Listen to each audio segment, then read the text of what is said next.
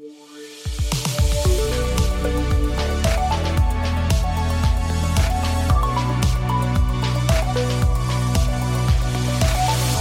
allihop och välkommen till eh, veckans avsnitt av Dagens Industris analyspodd där analysredaktionen sitter och pratar om vad som har hänt i veckan och vad som händer nästa vecka och allmänna eh, tankar kring det som vi sysslar med om dagarna, nämligen börs och finans och affärsnyheter. Eh, jag heter Ulf Pettersson och med mig har jag Magnus Dagel denna dag. Hej Ulf! Hallå Magnus! Och eh, det är fredag förmiddag som sagt när vi spelar in. Börsen är ner en halv procent fredag den 13. Vi får se vad det innebär. Men ner en halv procent nu så ni vet vad vi vet. Magnus, eh, du har ju varit aktiv i spalten även denna vecka med EQT, så det får vi väl ta och prata om. Rusta gör börsdebut får vi väl också prata om. SAS stiger varje dag trots att de ska avnoteras, kan vi nämna lite grann. Eh, ränteuppgång och så har du skrivit om Spiltans eh, obligationsfond.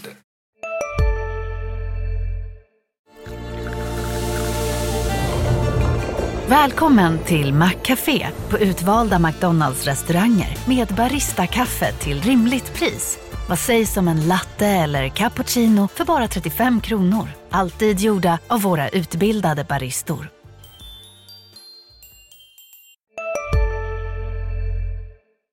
Vad eh, vill du vi ska börja prata om, Magnus? Ja, men ska vi börja prata om den starka börsveckan då? Den är historiskt stark. Det var en av de starkaste i år. Eh, vi hade ju en kraftig uppgång på nästan 3 där. Och eh, lite konstigt faktiskt. Man såg inte det där, den uppgången riktigt komma, tycker jag. Den kom lite från en blixt som från klar himmel. Ja, fast jag tycker det jag tycker man kände redan förra fredagen, alltså för en vecka sedan, när de här fantastiska sysselsättningsstatistiken kom i USA, betydligt fler nya jobb än förväntat. Och marknaden gick ju ner i en minut och sen gick den upp. Och då kändes det som när den steg på den där, på den där informationen, eh, då kändes det som att det var lite, ska vi säga, fyndköps eh, fyndköpsjakt på börsen och så då den här räntenedgången vi hade eh, de dagarna gjorde att vi fick en väldigt bra börs. Eh. Och det spelade inte så stor roll att vi eh, helg, under helgen fick ett Israelkrig där utan marknaden har som sagt varit, varit väldigt positiv den här veckan. Får vi se vad som händer. Det, räntorna har ju börjat stiga lite grann i USA igen här under, under torsdagen så det är väl räntestyrt det här helt enkelt, eller vad tycker du? Ja, det verkar vara det, men Förlänger man blicken lite grann och tittar från våra så har ju amerikanska eh, långa räntorna gått upp väldigt kraftigt, eh, nästan en och en halv procentenhet. Så det, det känns ju som den här nedstället i, i veckan är ju en liten rekyl på en, en kraftig ränteuppgång får man väl ändå säga. Eh, och en större oro eh, tycker jag, det är för en eh, det känns ju lite konstigt att, eh, att, att, att den här ränterörelsen just med att inflationen faller på bred front i USA nu, det får man ju ändå säga. Så, så ändå så har räntorna gått upp då. Mm, så kraftigt i år. Och jag tror att det är mera en funktion att man börjar bli mer orolig för eh, statsfinanserna och förmodligen på ett utbudstryck, alltså på amerikanska eh, obligationer helt enkelt, snarare än inflationsoro. Att, eh, helt enkelt att eh, amerikanska staten måste finansiera sina stora underskott med med nya obligationstryckandet eh, eh helt enkelt. Eh, och det gör ju att, eh, att det blir ett stort utbud på obligationer som pressar upp räntorna. Eh, och det här eh, kommer ju inte förändras någonting nu kommande månader eller år utan vi ser ju fortfarande fortsatt stora underskott i, i budgetarna i USA så det kommer bli stora utbud fortsatt med obligationer. Ja, det är ju så men å andra sidan när det är lite oroligt så brukar ju folk söka sig till, till amerikanska eh, papper då, amerikansk dollar och så här. Men jag håller med dig, det var väl det som tryckte upp, det var väl en emission av amerikanska statspapper som tryckte upp räntan här på torsdagskvällen och fick börsen eh, att backa då. Det var ju liksom en hyfsat positiv börs eh, fram tills det hände i USA. Så det, visst, det, det, det är alltid någonting nytt och det här kanske är det nya hur vi ska finansiera våra budgetunderskott. Och det kostar ju pengar nu, alltså det har ju inte varit några problem ehm, att ha budgetunderskott tidigare när räntorna varit noll. Det har ju varit gratis att låna pengar då, men det är det ju inte riktigt i, i framförallt inte i USA som har högst räntor. Det är ju ett, det är väl ett antal procent av statsbudgeten som går till att betala räntor helt enkelt. Ja, det är eh, flera, flera procentenheter. Eh, och jag tror att det kommer bli mer fokus på det kommande året här, att, eh, att amerikanska staten kommer ju ehm, betalar en väldigt stor del av sin budget då, i räntekostnader helt enkelt. Eh, och det, det, finns en risk att det kommer att hålla uppe räntorna, även om, obligation, om, även om inflationen faller tror jag. Mm. Jag tror det är som så att eh, den amerikanska statsbudgeten har bara varit i balans vad är ett eller två år under 2000-talet. Så de, de har liksom en vana av att eh, göra med mer pengar än vad de får in. Eh, och det har ju, det, ja, frågan är hur länge det funkar då. De har ju ja, de har ju lite lägre skatt än vad vi har. De skulle liksom så att säga med skatte, skattevapnet kunna rätta till det där men det är ju ingen, finns ingen amerikansk politiker som vill det egentligen utan man vill ju ha en, den typen av, av stat helt enkelt som inte tar ut för mycket skatt. Ja. Men eh, till slut så kommer vi till en inflektionspunkt att det inte går längre att, eh, att eh, ha så stora budgetunderskott. Och det har man sett på statsskulder historiskt att eh, det funkar, kan funka många år men till slut så gör det inte det längre. Nej, nej får se. Det, sen så är det ju alltså nu var ju tioåringen uppe, den var väl aldrig över riktigt 5% men den var inte många hundradels procentenheter från det. Men, och då, det är ju en god avkastning tycker jag på tio års sikt att få 5 i, i, eh, i liksom, det kommer ju vara en god real, realränta på tio års sikt får man väl anta om, om inflationen kommer ner till där det brukar vara då, runt 2-3 procent. Så det är, ju, det är ju ingen dum affär egentligen. Man förstår ju att att det finns en del som tycker, som tycker det är en bra, bra investering. Ja, och det ser man ju i Sverige här också, även på fasträntekonton och räntefonder. Det lockar ju mer igen nu här, eh, sparare. Bra, så när vi ändå pratar om eh, räntefonder. Ska, det här Spiltan gjorde du en jättelång artikel, deras hög, högavkastande obligationsfond eller vad de kallar den. Eh, varför skrev, skrev de den? Nej, men jag följer ju fastighetssektorn som du vet och jag har ju sett att många av bolagen eh, finansierar sig via obligationer. Jag har sett att i många fall i de här krisbolagen som det är granskat det senaste året här som till exempel eh, Heimstaden, SBB, Fastator så har jag sett att just att Spiltans högräntefond dyker upp eh, ofta som som ägare av de här obligationerna som de har finansierat sig vid. Och jag, jag tyckte att det var lite konstigt att jag tror att många Spara har köpt den där som lite lägre risk i varje fall, som har ett eh, ja, komplement kanske till, till bankboken och så. Och att eh, jag tycker inte riktigt att det har speglat risken helt enkelt att investera i de, många av de här krisbolagen. Så jag tittar närmare på det och eh, och innehavslistan där som man går att få fram, eh, den visar ju att eh, det finns många krisbolag förutom SBB i Heimstaden. Eh, vi har ju till exempel studentbostäder i Norden som jag också uppmärksammat. Vi har Stator till exempel. Men också andra bolag utanför fastighetssektorn som SAS, till exempel Storskogen hittar vi, Cab Online som ett taxibolag som har det väldigt tufft. Så det finns gott om eh, krisbolag i den fonden. Eh, så att säga, är den, fast, är den så att säga, dagligt handlad så det måste vara svårt att liksom värdera en sån obligationsportfölj i, i dessa stökiga tider hela tiden. Det är ju liksom en liten skillnad i ränta gör ju väldigt mycket på obligationspriset. Eller hur, hur funkar den där? Är den dagligt handlad? Som man, eh, ja, det är den. Absolut. Men det var ju stora problem också i covid-kraschen där. Då fick fonden ju stänga för uttag i 11 dagar och det var ju väldigt illa för, för sparare som ser det som en likvid tillgång ändå, som en fond ska vara och det hade ju Finansinspektionen problem med eh, och det förstår man. Eh, och priserna på företagsobligationer är ju illikvida ska jag säga och många av de här innehaven håller man till förfall. Man köper dem när de ger sig ut och håller till förfall. Och det är sämre likviditet än vi som eh, varit vana vid aktier och det gör också att det blir sämre likviditet i, Eh, i innehaven helt enkelt. Men det har ju Spiltan då parerat och förmodligen eh,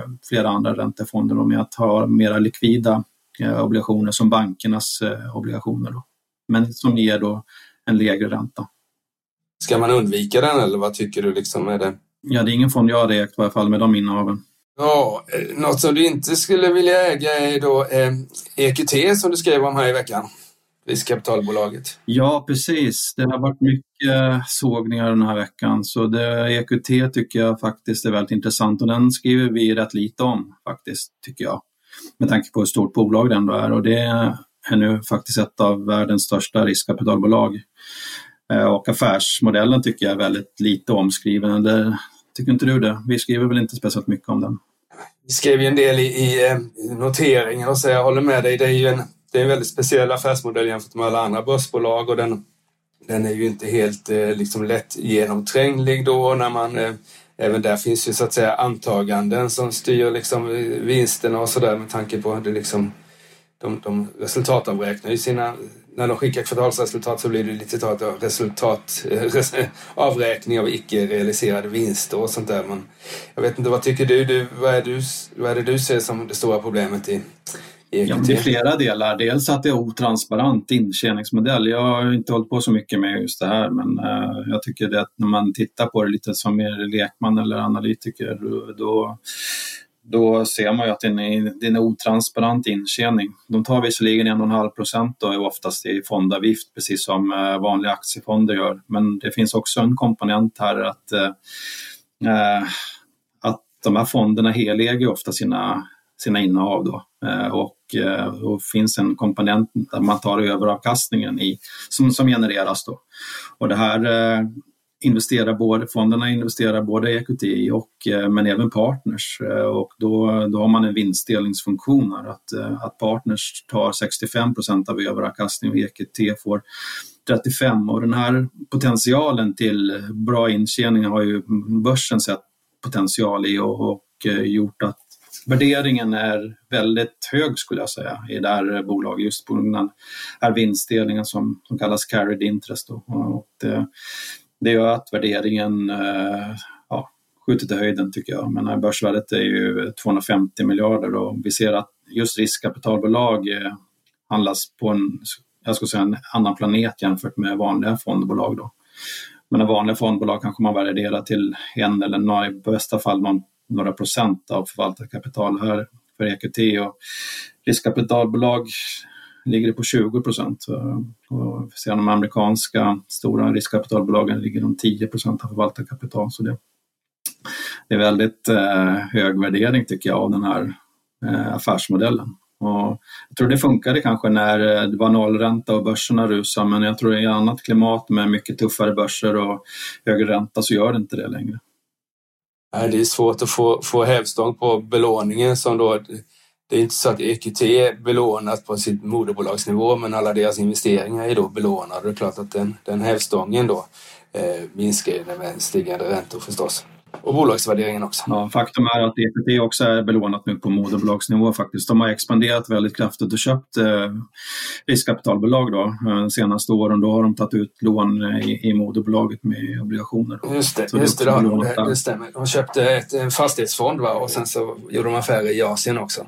Ja, bäringsförvaltningen. Det står väldigt stort eh, förvärv. Hej, Ulf Kristersson här. På många sätt är det en mörk tid vi lever i. Men nu tar vi ett stort steg för att göra Sverige till en tryggare och säkrare plats. Sverige är nu medlem i Nato. En för alla, alla för en. Vi är specialister på det vi gör, precis som du. Därför försäkrar vi på Swedea bara småföretag, som ditt. För oss är små företag alltid större än stora och vår företagsförsäkring anpassar sig helt efter firmans förutsättningar. Gå in på swedea.se företag och jämför själv. Men om vi inte bara ska prata negativt så brukar vi ha i den här eh, podden numera eh, två case. Och EQT var ett säljcase från dig Magnus och jag säger teckna då på eh, Rusta, eh, lågprisvaruhuset eller lågprishandlaren eh, Rusta med 200 butiker som kom in på börsen här den 19 eh, oktober, det är nästa torsdag det. Eh, och när jag började titta på det eh, så tänkte jag det här känns ju inte som något man ska äga i dessa tider när disponibelinkomsten är negativ för första gången på väldigt länge och vi är nere på 2015 års eh, eh, ska vi säga, konsumtionsförmåga i, i Sverige. Eh, det ser inte riktigt lika illa ut i övriga. Eh, de finns ju även i Norge, Finland och Tyskland men framförallt Sverige.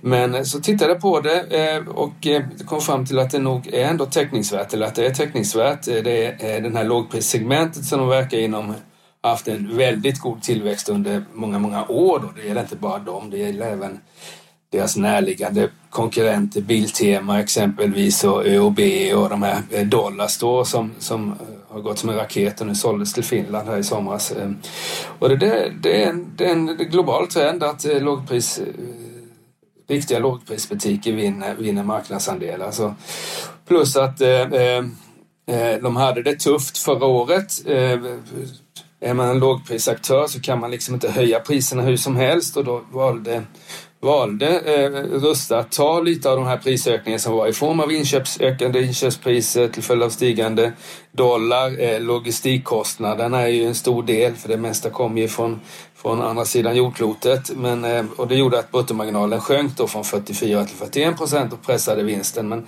nu Q1 här, eller ja Q1, men deras första kvartal var riktigt bra då med vinstökning på 30 procent. Och det har vi sett även i Clas Olsson att de har vänt nu efter ett jobbigt här. Och Clas Olsson har ju flugit iväg med 80 procent på börsen och är P 21 och kan man köpa Rusta som jag tycker ändå har liksom ett större tillväxtcase än vad Clas Olsson har till P18 på innevarande års vinst så tycker jag det är är teckningsvärt utan att vara något fynd. Och det som är, ska man ta fram något negativt så är det ju är det två saker som är riktigt negativa. Dels den här, det här otyget med att man ska eh, sätta ett prisintervall då. Här i det här fallet så är prisintervallet 43 till 50 kronor. Det är en miljards skillnad i börsvärde.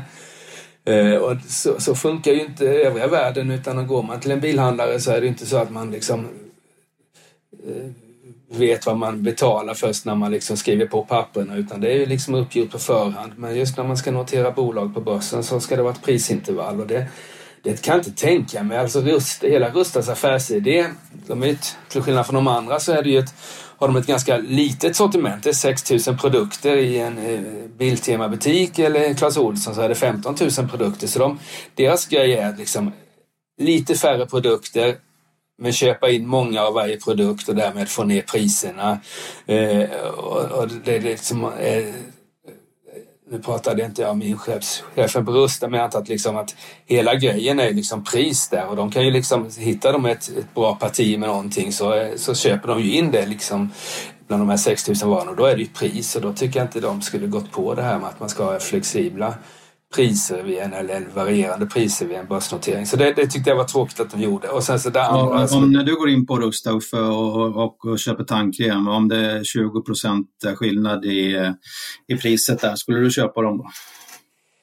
Nej, jag, jag, tror att det, det är liksom en, i alla andra verksamheter är det en ohållbar affärsidé. Tar vi den tandkrämen, låt säga att den, du är inne i en Rusta-butik så står det pris mellan 15 och 20 kronor och du vet inte vad den kostar förrän du kommer till kassan och eh, sannolikheten att det blir 20 är betydligt högre än 15. Det blir ju, så, så det är liksom, eh, och jag tror att det är mäklarfirmorna som, jag tror inte det är bolagen som vill ha det så. Bolagen vill nog vara transparenta och tydliga, utan det är de här mäklarfirmorna, i det här fallet är det Carnegie, men de är inte unika utan så är det nästan listan där vi har fått en del, det har gjorts en del fast, fastprisnoteringar. Eh, de flesta är rörligt prisnoteringar, vad man ska kalla det. Eh, och det är för att de ska kunna sitta och deala och wheela här kommande veckan då med de stora institutionerna att ja, 50 spänn är högsta pris men eh, på 46 kan vi sätta den och det blir som auktion då vad, vad, vad, folk är beredda att betala de här stora institutionerna och så är det de som bestämmer priset. Men jag tycker att om man nu är liksom, det är liksom en, en dålig modell eh, som bara gynnar, gynnar mäklarfirmorna och inte bolaget som börsnoteras och framförallt inte småspararna som får liksom som, ja, men om inte bolagen vill ha det och definitivt inte de som köper aktierna, eh, då är det väl eh, kan vi väl slå fast där att man ska gå bort från den modellen och, och ja. numera införa ja. fasta priser på börsintroduktioner.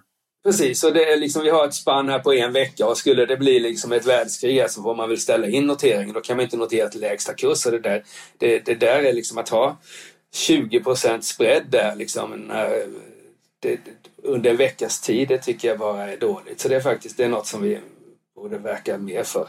Ja, och det är, det är viktigt att de sätter bra priser i börsintroduktionen tycker jag och det har blivit väldigt tydligt de senaste två åren att det blir väldigt negativt för bolaget i deras, eh, för deras varumärke om när alltså kurserna rasar med 70 procent, att man, man sätter det för högt. Det blir negativt för huvudägarna och det blir negativt för kanske riskkapitalbolagen. Så alltså, man ska inte underskatta att man sätter ett, ett attraktivt pris i, i de här börsintroduktionerna.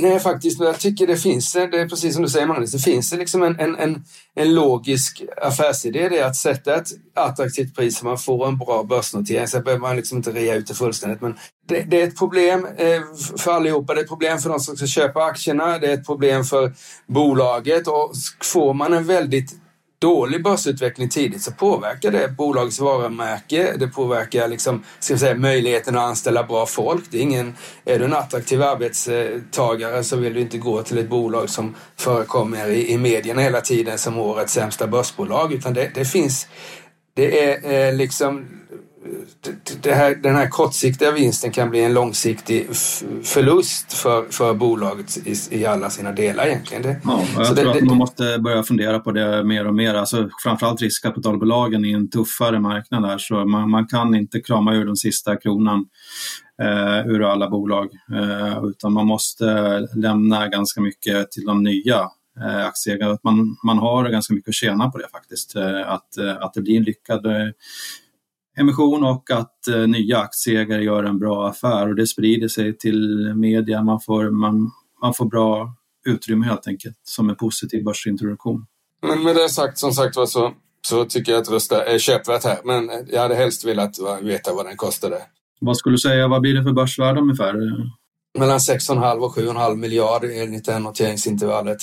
Eh, omsätter 10 miljarder eh, tjänar 500 miljoner kronor efter skatt ungefär så det är väl en eh, ja, P, P 15 17 obelånat med lite netto, nettokassa och sådär. Så, eh, ja, det, är, det är kanske lite högre än börsen men de har haft en högre tillväxt än, än de genomsnittliga börsbolagen också och eh, är lite lägre värderade än Clas Olsson som har fått upp sitt P tal till över 20 här med den här kursrusningen som har varit.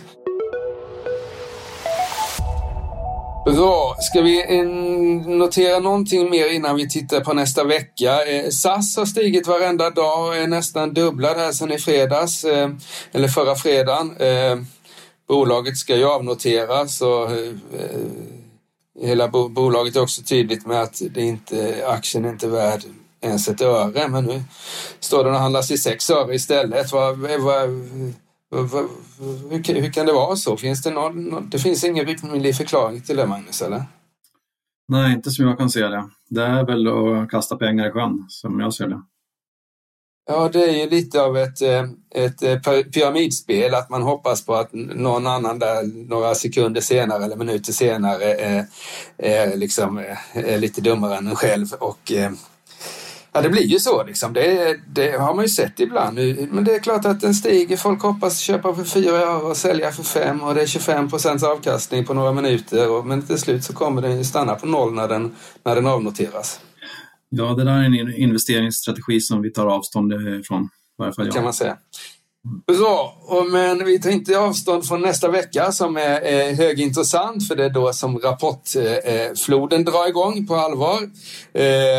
Nu har vi ju faktiskt fått eh, eh Ericssons siffror. Ericsson skulle ju varit först ut egentligen men med den här jättenedskrivningen på 32 miljarder så rapporterade de ju både försäljning och ebit, ebitda och kassaflöde och alltihop. Eh, Eh, var ner lite grann på det där men steg sen under dagen. Så eh, ja, den, den behöver vi inte prata så mycket om för de har redan kommit. Men sen kommer ju bankerna, ABB, Volvo kommer den 18. EQT som du har pratat om, då vet vi om du har rätt eller fel, kommer ju på den 17 här.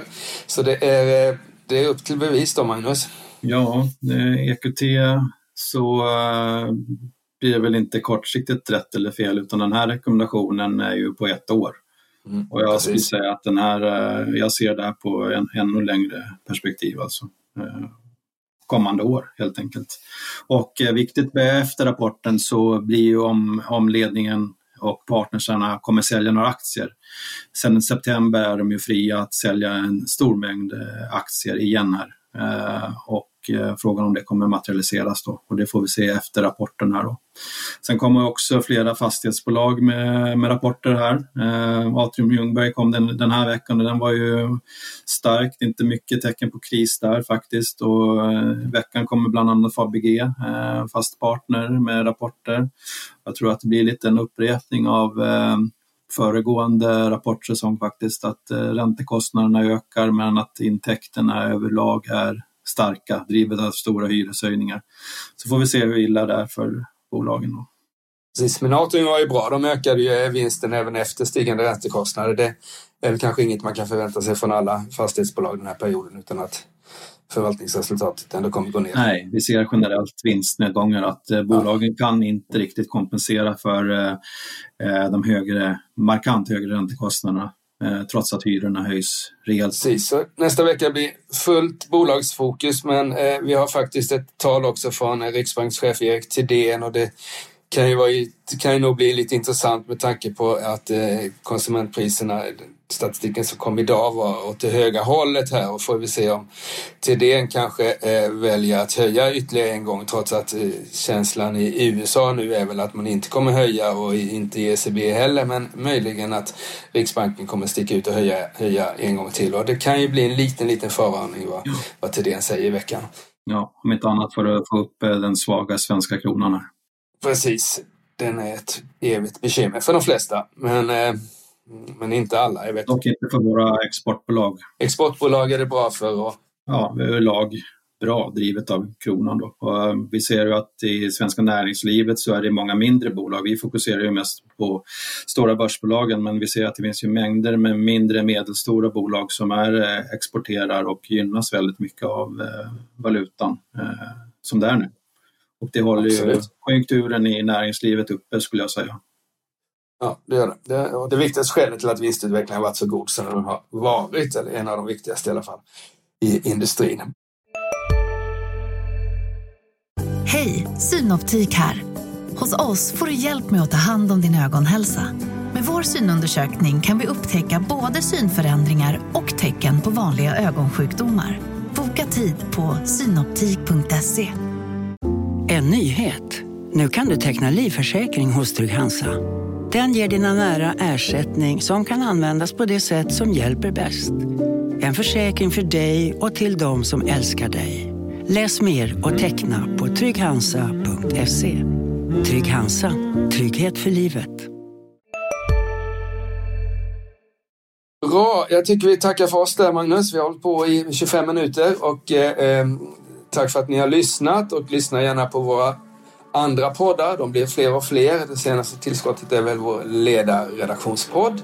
Och så får ni ha en riktigt skön hösthelg och så hörs vi igen nästa fredag. Tack ska ni ha. Stort tack. Hej då. Tack, hej. hej. Du har hört en podcast från Dagens Industri. Ansvarig utgivare Peter Fällman.